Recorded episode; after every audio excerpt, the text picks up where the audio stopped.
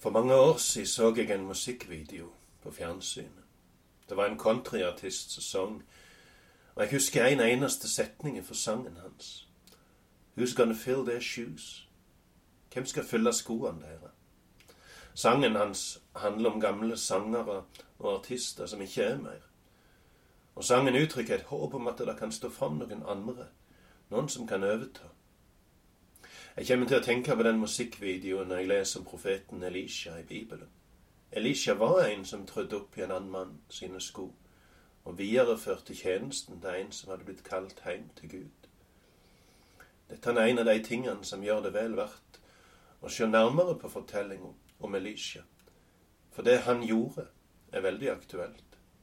Rundt dere er det mennesker som enten har avslutta en lang tjeneste for Jesus, eller som er i ferd med å gjøre det. Det kan være en tjeneste som kontaktperson i ei forening, som leder i et barnelag eller på en søndagsskole. Det kan være en tjeneste i det stille, eller ei mer synlig tjeneste. Det kan være en tjeneste som misjonær eller forkynner, som prest eller som mangeårig medlem i et styre. Det kan være en tjeneste som renholder på bedehuset. Det kan være besøkstjeneste på sykehjemmet forbønnstjeneste, forsangertjeneste, korledelse, vaktmestertjeneste eller andre ting. Det fins de som har avslutta en eller annen tjeneste, eller som er i ferd med å gjøre det. De leter etter seg to tomme sko, og jeg ønsker å gjøre deg oppmerksom på disse skoene. Det er bakgrunnen for det vi har valgt som tema for disse møtene. To tomme sko. Kanskje tenker du allerede på et par med tomme sko. Sko som stender der og kaller på noen som vil trø oppi de og gå. Skoene etter noen som er reist hjem til Gud og etterlatt seg et stort tomrom i kristenflokken. Eller kanskje er det dine egne sko du tenker på. For kanskje er du en av de som ser at tjenesten din nærmer seg slutten, og du lurer på hvem som vil videreføre denne tjenesten, eller om der i det hele tatt fins noen som kommer til å gjøre det. Historien om profeten Elisha er ikke bare historien om Elisha. Det er òg historien om en gammel og oppgitt profet som trodde han var den siste som var igjen. Han så ingen som kunne overta. Men Gud kjente hjertet til en unge mann i Abel Mehola, sønn til storbonden Shafat. Gud visste at denne unge mannen, Elisha, var klar til å ta imot kallet fra Gud og trø opp i skoene til Elia. Det er mange små og store tjenester i Guds rike. Synlige tjenester, og tjenester som folk flest ikke ser, men som Gud av den grunn gjerne, gjerne verdsetter ekstra høyt. Hvem skal fylle de tomme skoene? Hvem skal ta over stafettpinnen?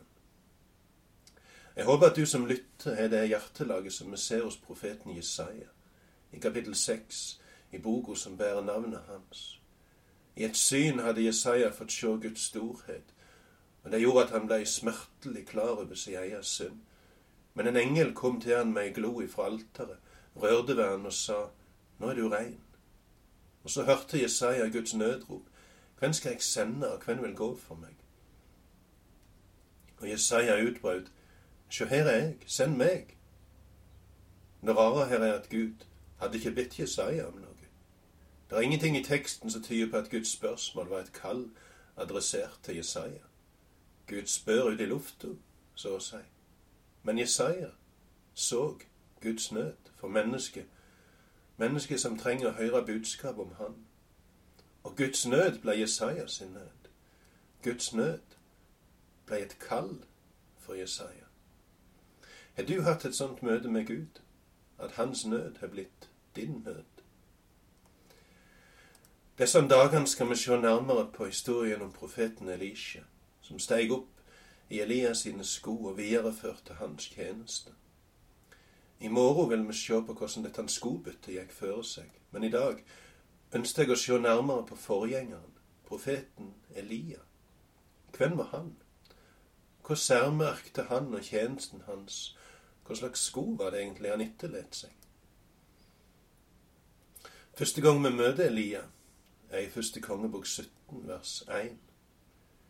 Elia fra Tishbe, en av innbyggerne i Gilead, sa til Ahab, så sant Herren, Israels Gud, lever, Han som jeg tjener, de første åra skal det korkje komme dogg eller regn utenpå mitt ord. Bibelen gjeng her rett på sak og forteller om et møte mellom profeten og kongen. Det Elias sier til kongen, tyder på at Gud har talt til profeten og gitt han visshet om hva som ville skje i framtida. Vi skjønner altså at noe har gått forut for dette møtet mellom Elia og Ahab. Gud har talt med profeten Elia først. Selv om dette er den første gangen vi får høre om Elia i Bibelen, fins det et annet vers som gir oss et glimt av profeten som strekker seg enda lenger tilbake i tid. Det verset finner vi faktisk i Det nye testamentet, i Jakobs brev kapittel 5 og vers 17. Elia var et menneske under samme kår som vi. Han ba inderlig at det ikke skulle regne, og i tre år og seks måneder falt ikke regn på jorda. Så ba han på nytt, og himmelen ga regn, og jorda bar atter si grøde.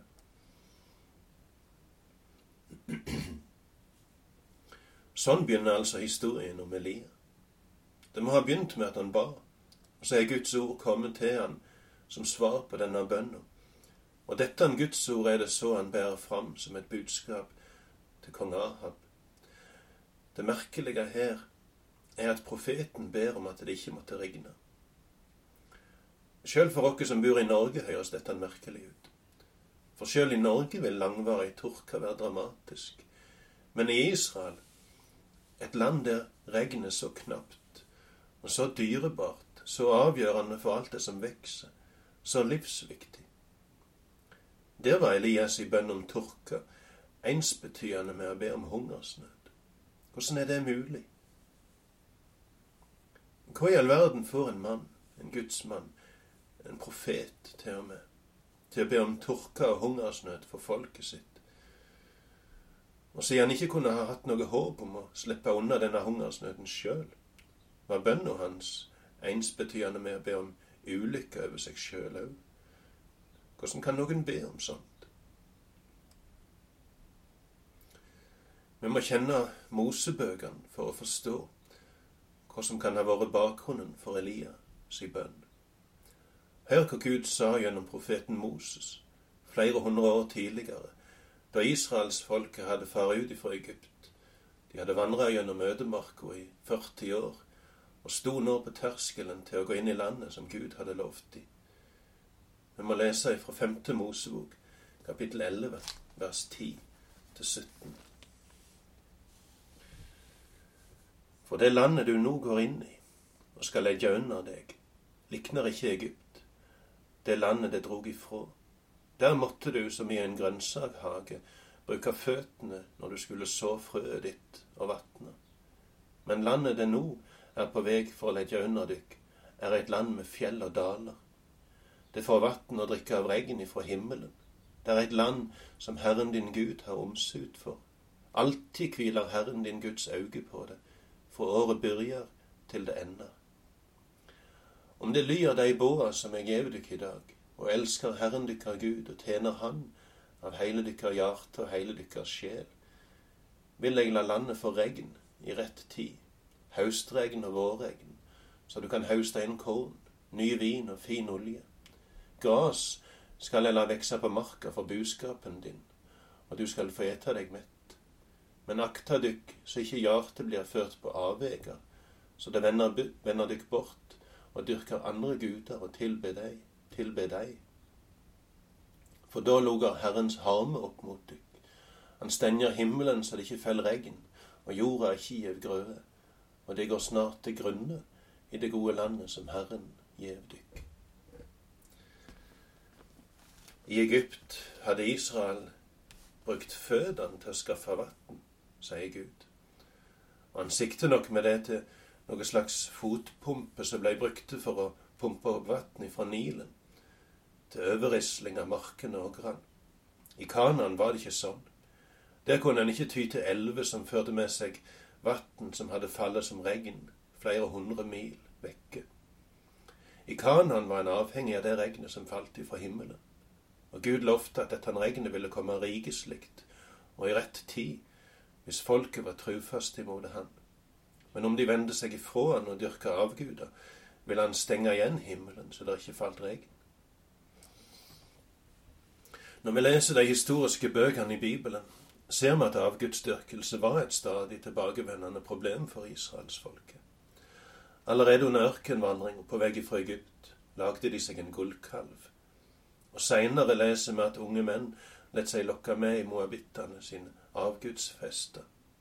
I djevelske snarer som Bileam hadde klekka ut.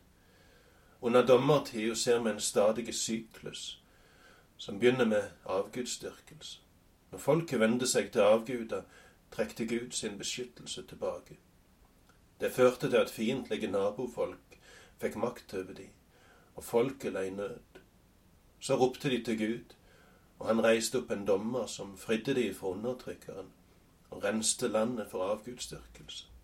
Og så hadde folket fred, til dess dommeren døde, og folket på ny vendte seg ifra Gud, og sirkelen gjentok seg. Etter dommertida gikk Israel inn i kongetida, først under kong Saul, deretter under kong David og så under kong Salomo. 922 år før Kristus ble Israel delt etter at kong Salomo døde og de ti nordligste stammene ikke ønsket Salomo sin sønn som konge. I, plassen valgte de seg en som het Jeroboam, mens Salomo sin sønn Rehabeam ble konge over de to sørligste stammene, med Jerusalem som hovedstad. Kong Jeroboam i Nordriket var redd at folket hans ville bli knytta til Davids sønn, som satt på trona i Jerusalem, hvis de stadig vekk skulle valfarte til tempelet i Jerusalem i forbindelse med de årlige høgtidene. Derfor setter han opp to gullkalver, en i Betel, i den sørlige delen av riket sitt, og en i den aller nordligste delen av riket. Disse gullkalvene ble opphav til avgudsdyrkelse i Nordriket. På Elias' i tid hadde imidlertid avgudsdyrkelsen gått enda lenger. Han som var konge i Nordriket på Elias' i tid, heter Akab. Og han var gift med ei prinsesse fra nabolandet Tyrus. Denne dronninga, Jesabel, hadde tatt med seg baldyrkelse og astartedyrkelse fra heimlandet, og hun lønte hundrevis av avgudsprester på statens i regning.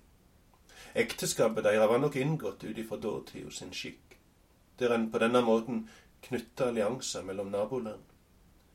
Politisk og militært og handelsmessig var nok dette ekteskapet regna som en genistrek, men åndelig var det en katastrofe.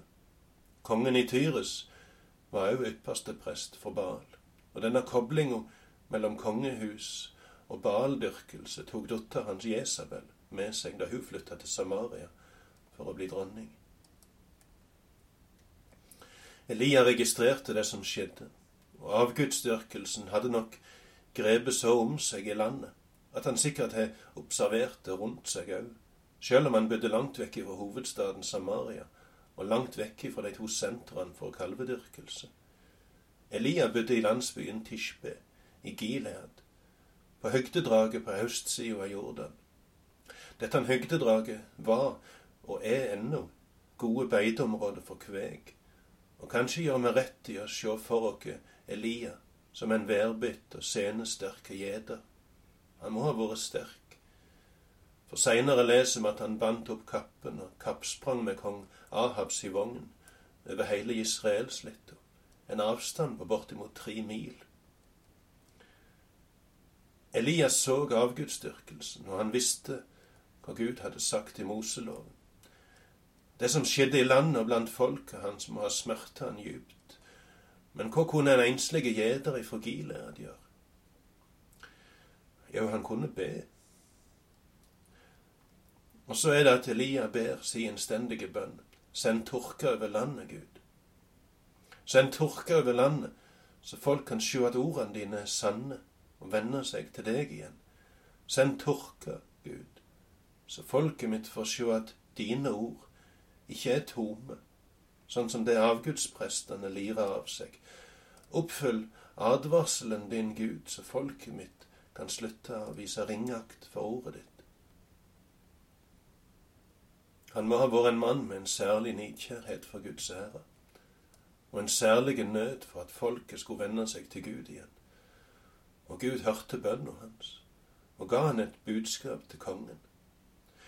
Derfor er det vi ser den værbitne mannen, kledd i en enkel profetkappe, stå ansikt til ansikt med kongen en dag og forkynne et budskap som varsler nød og død for landet. Etter dette han møtet sender Gud han til Krit, en bekkedal på østsida av Dødehavet. Der drikker han av bekken, og ravner kommer med mat til ham. Da bekken til slutt tørka inn, ble Elias sendt til ei enke i Sarepta, i Sidon. Der gjemte han seg resten av tørketida, og kongen som lette etter han for å ta han, kom ikke på at han kunne ha gjemt seg i dronning Jesabel, sitt eget heimland. Baal og Astarte var avguder som folk dyrka for å få fruktbarhet og gode avlinger. At det blei tørka i landet, er dermed ikke bare et uttrykk for Guds dom over avgudsdyrkelsen. Det er ikke bare et varsel om at Gud mente det han sa når han advarte de i femte Mosebok. Torka er òg en dom over avgudene, siden de blei stilte fram som maktesløse. Avgudene som folk mente kunne gi de rike avlinger, var ikke i stand til å gi landet det regnet som marken trong. Etter tre og et halvt år med jubelnød vendte Elia tilbake til Samaria og kalte kongen og alle avgudsprestene til et møte på Karmelfjellet. Ei tevling var det. Nå skulle det synliggjøres for folket hvem som hadde makt, Gud eller avgudene. 450 balprester kom i lag, og Elia utfordra de til å bygge et alter og legge ved og et offer på alteret, men ikke tenne eld. Så skulle de be til sin Gud og be han sende eld og tenne veden på alteret. Vi kan lese fra første kongebok 18, vers 21 til 24.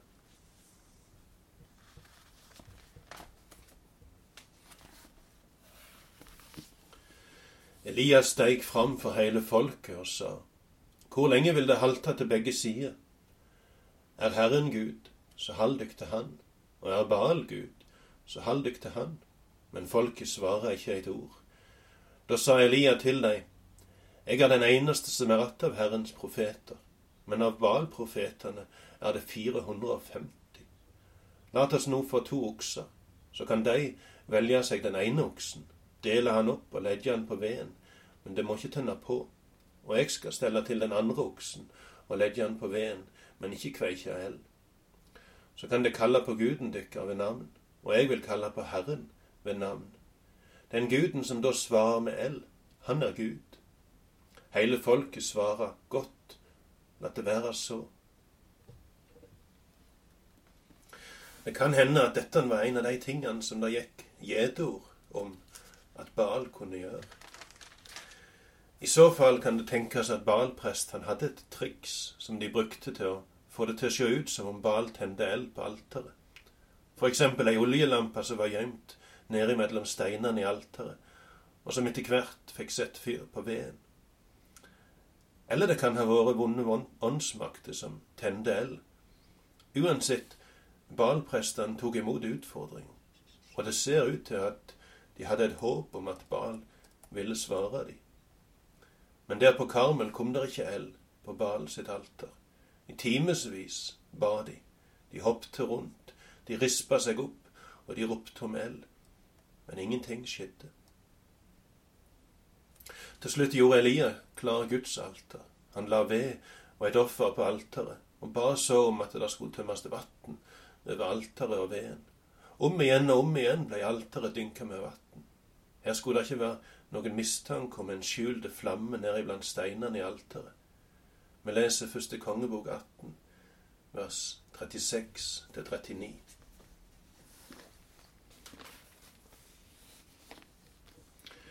Da tida for grødeofferet var kommet, steg profeten Elia fram og sa, Herre, Abrahams, Isaks og Israels Gud, la det i dag bli kjent at du er Gud i Israel, at jeg er tjeneren din, og at det er på ditt ord jeg har gjort alt dette. Svar meg, Herre.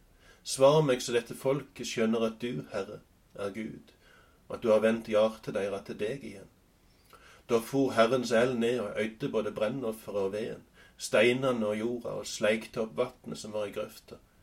Da folket så det, kasta de seg ned med andletet mot jorda og sa, Herren, han er Gud. Herren, han er Gud. Da tida hadde kommet for kveldsoffer i tempelet, var det altså at Elia ba ei enkel bønn, og Gud sendte en mektig eld som fortærte både offeret og veden og steinene i alteret og slikte opp vannet. Det var en mektig demonstrasjon av Guds makt, og samtidig en demonstrasjon av Baal si vannmakt. Balprestene som hadde forført folk i så lange tid, ble drept der og da. Etterpå gikk Elia opp på toppen av fjellet og ba Gud sende regn. Som svar på Elias i bønn begynte det å skye over, og kongen fikk det travelt med å komme seg i hus. Elias sprang med sida av vogna hele veien til Israel. Hvor tanker og følelser fylte Elia der han sprang i regnet med sida av kongens vogn. Kanskje så han for seg vekkelsen som nå skulle komme over landet avgudsdyrkelsen som nå skulle ryddes ut. Det skulle bli en ny vår, både på ogrene og i hjertene til folket. Han sprang denne framtida i møte med glød og forventning, men da han kom fram til Israel, var det som om han møtte veggen. Dronning Jesabel bøyde seg ikke. Hun erkjente ikke at Israels gud var Gud, og at hennes egne avguder var falske, tomme og maktesløse. I plassen slengte hun en drapstrussel etter Elia, og profeten flykta. Han hadde standet så stødig ansikt til ansikt med kongen og alle balprestene hans, og så flykta han for et ord ifra dronninga. Han springer sørover for å komme utenfor rekkevidde til dronninga. Han springer til han kommer til Bersheba, langt sør i Sørriket. Der, der sender han tjenestegutten ifra seg og går ei dagsreise videre og legger seg under en gyvelbusk og ønsker seg døden. Jeg har lest at den busken han la seg under, skiller ut en dødelig gass. Kanskje kan det vi ser her, være en profet som er så langt nede, så skuffa og så motløs, så ensom, redd og deprimert at han ønsker å ta livet sitt. Vi kan lese ifra første kongebok 19, vers 1-8. Ahab fortalte Jesabel om alt det Elia hadde gjort og hvordan han hadde drept alle profetene med sverd. Da sendte hun en mann til Elia med det bået. Gudene, la det gå meg ille både nå og siden, og meg ikke i morgen på denne tid lette gå med ditt liv, slik det gikk med livet til profetene. Da ble Elia redd og skunde seg av sted for å berge livet. Han kom til Bersheba, som ligger i Juda. Der lette han tjenestegutten sin bli att. Sjøl gikk han ei dagsreise ut i ørkenen. Han kom til en gyvelbusk sette seg under han og ba om å få døy.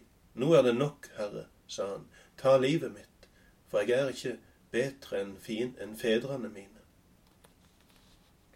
Så la han seg ned og sovna der under gyvelbusken. I det samme rørte en engel ved han og sa, stå opp og et. Og da han så seg om, fikk han auge på en brødleiv, baka på glødende steiner og ei krukke med vann ved hovudet sitt. Han åt og drakk og la seg att. Men Herrens engel kom en gang til, rørte ved han og sa, Stå opp og et, ellers blir vegen for lang for deg. Da sto han opp og åt og drakk, og styrkt av maten gikk han 40 dager og 40 netter til han kom til Gudsfjellet, Horeb. Tidligere, da landet lei under tørke, hadde Gud sendt Elia til Kritdalen der han kunne drikke av bekken, og der ravna kom med mat til han. Sånn er det ikke nå. Sånn er det ikke nå når han ligger motløs under gyvelbusken og ønsker seg døden. Nå er det en engel som kommer til han, med himmelbrød og vann ifra en brønn i himmelen. Ja, det stender faktisk noe enda bedre òg. Engelen som kom, var Herrens engel. Hvis du leser nøye de plassen der uttrykket 'Herrens engel' er brukt i Det gamle testamentet, ser du at dette er ikke en vanlig engel, i den grad det da gir mening å snakke om en vanlig engel. Herrens engel tillater at mennesket tilber han. Det gjør ikke andre engler. Dermed forstender vi at når Det gamle testamentet forteller om Herrens engel, er det Jesus vi leser om. Herrens engel er Jesus, som viser seg for mennesker før tida kom at han blei født som Maria sin sønn i Betlehem. Da Elia lå skuffa, motløs og utmatta under gyvelbusken sør for Bersheba, var det Jesus sjøl som kom til han. Ingen ravna denne gangen, ingen bekk denne gangen, men ei krukke med himmeldråper og himmelbrød. Herrens engel er det som rører ved den sovende, utsletne profeten, vekker han forsiktig og sier stå opp og et, eller så blir veien for lang for deg. Kan du kjenne deg igjen i den utsletne gudsmannen? Han som ligger der under jubelbusken og lengter etter å få dø. Han som opplever ei hånd som rører ved han, og en milde stemme som ber han stå opp og ete.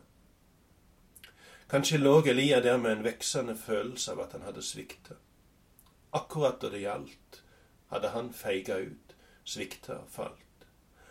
Akkurat da folket hans trong en leder som kunne stå imot dronninga, en førerskikkelse som kunne føre an i vekkelsen, da svikta han. Men Herrens engel kom ikke med bebreidende ord. Ikke noe irettesettelse. Ingenting om at han nå var ferdig som profet men eh, kveldsmat og søvn. Og med Guds engler som nattevakter.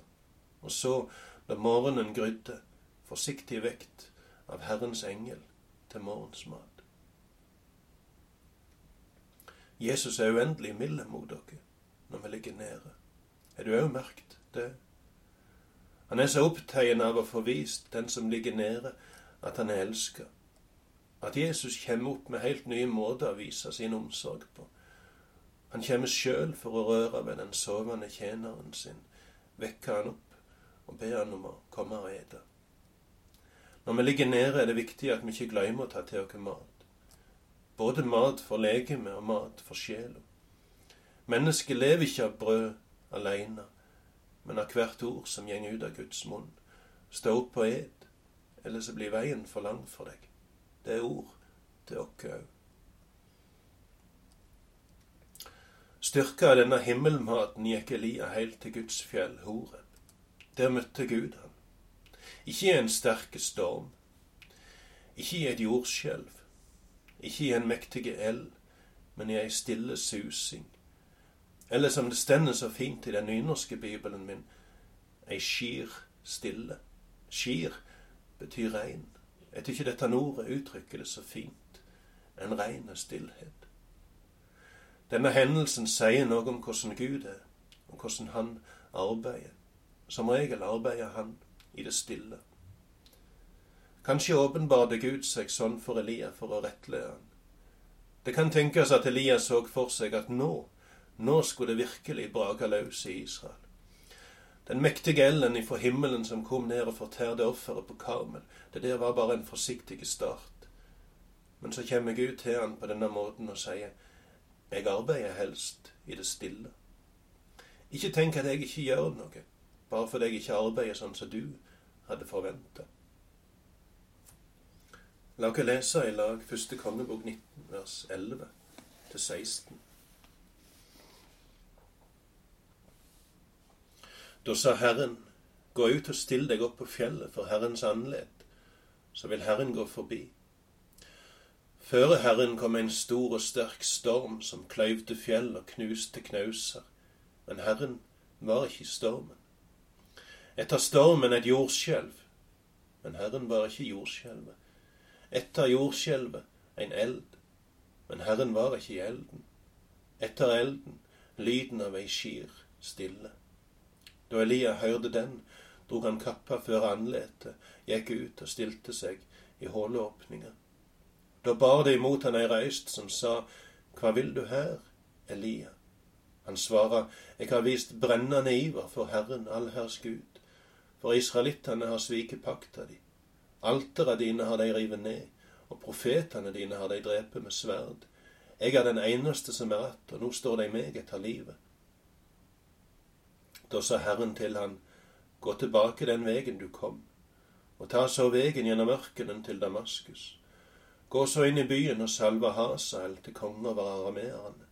Jehu, sånn til Nimshi, skal du salve til konge over Israel, og Elisha, sånn til Shafat ifra Abel Mehola, skal du salve til profet etter deg. Hvorfor er du her? spør Gud. Og det kan hende at dette spørsmålet er en invitasjon til Elia til å innrømme et svik, men uh, han tyr i plassen til sjølforsvar. I møte med Gud er ikke sjølforsvar den beste strategien.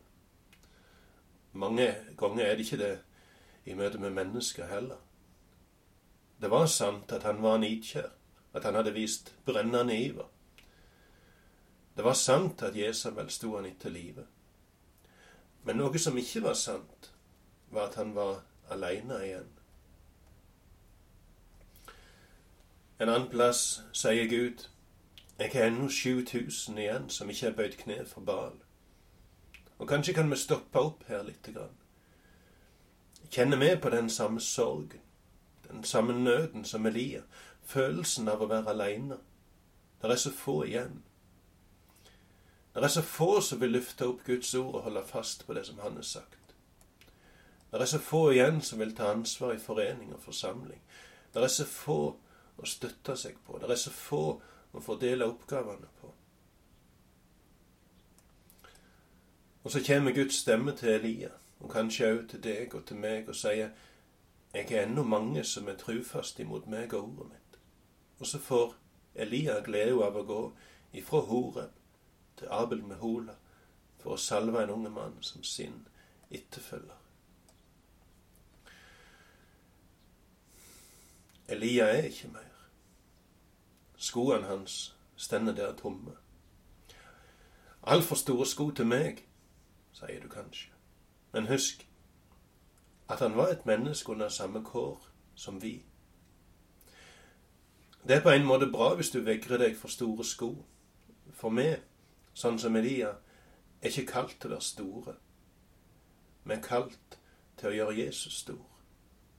Elia prøvde ikke å være stor. Han var ikke opptatt av å bli sett respektert og elska. Han var opptatt av at Gud skulle bli hørt, respektert og elska. Hvis du vegrer deg for store sko, husk at en kristen ikke tjener i egen kraft, men i Guds kraft. En kraft som man gir i den grad vi er opptatt av at Han skal bli æra og elska. Og husk, det Elia først og fremst gjorde, var å be ut ifra et hjerte som vrei seg da han så hvordan folket hans vendte seg vekk ifra Gud og Hans ord. Vi òg kan be. Elia er ikke mer. Bare skoene hans stemmer der. Kjenner du den samme smerten over et folk som vender seg vekk fra Guds ord, og som halter? Halter mellom på den ene sida truskap til Gud, og på den andre sida et forsøk på å gli inn i mengden av de som tenker og ter seg politisk korrekt. Vil du være med og be for land og folk vårt, og be om at ei skir stille kan gripe om seg, og at folk sitt hjerte på ny kan vende seg til Jesus og Hans ord. Elia er ikke mer, bare skoene hans stender igjen.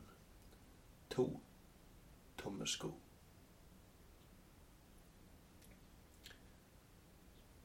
Kjære Jesus, vi takker deg for profeten Elia. Hans nidkjærhet og hans iver.